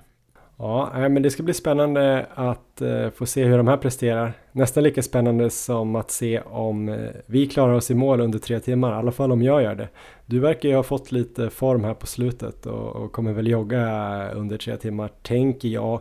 Det ska också bli spännande hur många som dyker upp i våran eh, sub 3-klunga. Det känns som att det kommer vara ganska många. Jag såg på Instagram där att det var väldigt många som hade kommenterat att de var på. Och då ska det bli kul att se hur många som orkar hänga på eh, hela vägen. Det kan bli en riktig härlig känsloexplosion där på stadion om vi får med oss en eh, i alla fall eh, 10-15 pers under sub 3 för första gången. Ja men det tror jag verkligen och det hoppas vi ju att vi ska få. Ehm, jag kommer ihåg att när vi körde den här klungan 2019 för 2.48 då var det ju en period där någonstans vid 10 kilometer där vi var väl säkert 50-60 pers i en klunga där som var dragen av dig. Ehm, och det finns väl förutsättningar att det ska bli ännu fler den här gången så ehm, det kommer nog bli en fest och sen så får vi se, Folkungagatan, häng på då, ehm, släpp inte där. Nej just det, om vi kan väl säga här då mot eh, slutet att eh, vi har snackat lite här fram och tillbaks. Erik står ju faktiskt i SM-klass eh, startfältet om han vill. Men han har sagt att han kan backa bak till mig i startgrupp A. Eh, och jag har tänkt så här, det är några i startgrupp B som har sagt att de vill springa med den här klungan. Och för att det inte ska bli allt för jobbigt för dem att eh, kuta ikapp oss så tänker väl vi att vi startar ganska långt bak i startgrupp A. Eh, och vi tänker väl att vi kanske ställer oss eh, på vänster sida om man eh, tittar upp mot eh, Vallallavägen. Eh, mot det staketet så kom gärna dit och eh, möt upp oss där. Och sen de som då vill göra sub 3 med oss från startgrupp B se till att vara i tid i er startgrupp och ställa er längst fram då. För startskottet går ju samtidigt, det är ju bara någon liten liten avgränsning här mellan startgrupp A och B utan startskottet går ju samtidigt. Så då är ni nog ganska snabbt framme hos oss. Sen får väl vi se hur många vi behöver eventuellt springa förbi. Men jag tycker att eh, det borde gå ganska bra. Jag tror också att det kan vara rätt bra för oss att inte jäkta allt för mycket i början. Så att vi kan nog ligga ganska kyligt där fram till i alla fall Odenplan. Så det blir skitbra. Om ni vill kan ni också kanske hänga med på, på uppvärmning med dig Erik. Vad, vad kommer du, hur kommer du göra uppvärmningen? Vi gick inte igenom det i vår lista men du kan få ta det nu. Ja, man brukar säga att ju kortare sträcka man ska springa desto mer uppvärmning behövs. Så 100 meter, mycket uppvärmning, 24 timmars lopp, ingen uppvärmning. Och om man debuterar på maran och bara har som mål att ta sig runt så behöver man ingen uppvärmning. Men har man högre tidsmål och vill springa snabbare än det normala distanstempot man håller på träning så behöver man ändå värma upp. Nyckeln är här att hitta den minimala mängd uppvärmning som får kroppen varm och redo för tävlingsfart men som samtidigt sparar så mycket som möjligt av våra kolhydratsreserver så vi kan använda dem på loppet istället. Men hur vet man då hur mycket det är? Då har jag läst eh, den här boken Advanced Marathoning av Fitzinger och Douglas och de rekommenderar 10 minuter uppvärmning, så cirka 2 kilometer deras rekommendation är att dela upp den i två stycken fem minuters block. Så första femminutaren startar lugnt och kan avsluta sin fart runt en minut per kilometer över marafart följd av lite lätt stretching. Och den delen kan man lägga så här en, ja, så att den startar 30 40 minuter före loppet. Andra femminutaren springs progressivt, starta lugnt och avsluta med cirka de sista 30 sekunderna i tävlingsfart. Den bör inte avslutas mer än 10 minuter innan start om möjligt. Och det här är ju lättare att tajma in på ett mindre maraton. På stora stadsmarer så måste man ju ofta gå in i follan lite tidigare och ibland kanske man kan värma upp där inne i follan också men eh, där blir det ju kanske lite svårare att eh, tajma det här helt perfekt. Men eh, sammanfattningsvis runt eh, 10 minuter eller 2 kilometers uppvärmning och eh, avsluta i med 30 sekunder ungefär i tävlingsfart. Då tror jag man är redo för loppet sen. Så något sånt ska vi väl eh, försöka få till där. Så då är det ju bara att hänga på mig och Johan där. Ni får väl leta upp oss. Jag tänker att det borde vara där på Östermalms IP som man samlas innan och eh, fäster nummerlappen och sådär. Jag har inte helt koll på det faktiskt, men det brukar ju vara det. Vi lär väl vara på plats cirka en timme innan loppet kan jag tänka mig. Jag vet inte vad vi kommer köra. Kommer vi köra våra gamla sub 3-linjer nu eller? Ja men det måste vi göra om vi ska ha det för sub 3, så det blir de gamla vita sub 3-linjerna som får göra en sista, vi har sagt det många gånger nu, men nu är det sista ja men det ska bli sjukt kul och ganska intressant. Eh, vi har inte snackat så mycket om vår egen träning i det här avsnittet vilket ju också kanske var skönt för er men vi sprang ju Lidingöloppet här för eh, 7-8 dagar sedan och eh, det gick väl sådär för oss. 2.08 hade du och 2.09 hade jag. Jag fick kramp vid 23. Det var tråkigt för jag tyckte annars att det kändes okej okay, stabilt. Du sprang på bra med hög puls men inte hade dina bästa ben än. Nej, jag hade det jobbigt hela vägen men jag fick ju ett bra pass så det var det är väl en sammanfattning av det hela. Så där tänker jag att vi kanske snittade 4.17 och 4.18 fart ish, 4.18, 4.19 kanske. Ehm, så vi ska springa lite snabbare nu då, utan backar och lite längre. Så det kan ju gå. Jag tänker ju att det tyder ju ändå på att jag borde kunna springa alla fall 30-32 i, i 4.15 fart. Men eh, jag hoppas att jag kan hänga med hela vägen in på stadion eh, och i sådana fall skulle det vara ett superbra pass om jag inte måste gräva jätte, jättedjupt. Hur känner du kring din form? Formen är ju inte bra, men jag har ändå kunnat börja träna nu sista två veckorna, så att den kommer väl bara bli bättre och bättre och eh, jag ser det här som ett eh, jättebra förberedande pass för mig så att eh, jag är helt inställd på att på lördag ska jag springa med hela vägen och eh, eh, försöka hjälpa så många som möjligt in under tre timmar. Ja, det kommer bli fantastiskt. Gå in och kolla på Strava här hur vi tränar här sista veckan. Kanske inte gör exakt som oss för det kan ju vara så att vi lägger in något hårt pass här onsdag eller torsdag eftersom vi inte tänker att det här är ett riktigt lopp för oss på lördag. Jag, jag tror kanske att jag måste ta det i och för sig lite lugnt för att för att ha fräscha ben. Jag vet inte hur du kommer göra, men gå in och kolla där. Om det gick bra på loppet kan ni ju kolla på Strava, Johan Forsstedt och Erik Olofsson. Vi har ju vår Instagram då som jag tycker att ni ska gå in och titta lite på Maratonlabbet. Där kommer vi säkert lägga upp något mer här under veckan. Och ni kan ju också skriva till oss där om ni undrar någonting mer kring lördagen där och den här sub 3-klungan. Men alla är välkomna. Eh, det kommer bli jätteroligt. Jätte det var väl det Erik. Eh, kommer du få någon tapering madness eller galenskap här sista veckan? Ja, men jag hoppas få slippa det nu när man inte har något så här specifikt eh, pers eller sådär som man ska gå efter. Så det blir ju förhoppningsvis då ett lite lugnare både loppupplägg och eh, lite lugnare taper madness. Och till alla andra då som eh, ska satsa hårt här på lördag och som känner att Eh, ni börjar bli lite galna och ni tror att ni är ur form och kommer bli sjuka och sådär. Det är bara att försöka slappna av och ett bra tips är ju att att eh, lyssna på det här och bangenomgången och förbereda er så mycket som möjligt men sen också kanske försöka släppa det lite och göra någonting annat, läsa en bok eller kolla på någon bra serie. Ni kan också kolla på en bra peppande film på fredag och så kan ni också gå in då där ni samlar er eh, träning, alltså om det är Strava eller Garmin Connect eller på pappers eller vad det nu kan vara. Så kan ni kolla där på eran träning här fram till loppet och, och så kan ni highlighta där två, tre pass som ni har varit riktigt nöjda med och tänka så här, fan jag är rätt bra ändå. Eh, om ni inte har tränat bra inför det här loppet så gör inte det. Då, då försöker ni bara tänka att ni ska ha hybris och komma till start på lördag. Typ något sånt Erik. Ha det så himla bra Erik så ses vi på lördag. Det gör vi. Ha det bra.